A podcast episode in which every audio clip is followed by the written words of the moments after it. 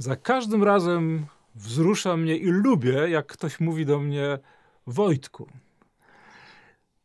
To słowo, które jest takim kluczem do mojego serca, sprawia, że to, co potem mówi ten człowiek, zupełnie w inny sposób do mnie trafia. Wiem, że e, on chce coś mi przekazać, coś z serca, że nie występuje jako wszechwiedzący narrator, opowiadacz jakiejś absolutnej prawdy, tylko chce to powiedzieć do mnie osobiście. I bardzo mnie wzrusza w tej dzisiejszej Ewangelii, właśnie jak Jezus mówi Filipie.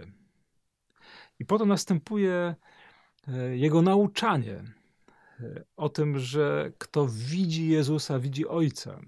Bardzo głębokie, niezwykłe, tajemniczające opowiadanie o relacji e, między Jezusem a Ojcem.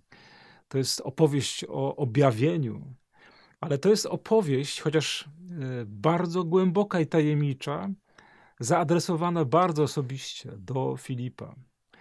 Może to jest w ogóle ważna podpowiedź, żeby gdy otwierasz teksty Pisma Świętego, to im trudniejsze to słowo, które czytasz, zawsze postaw na początku swoje imię.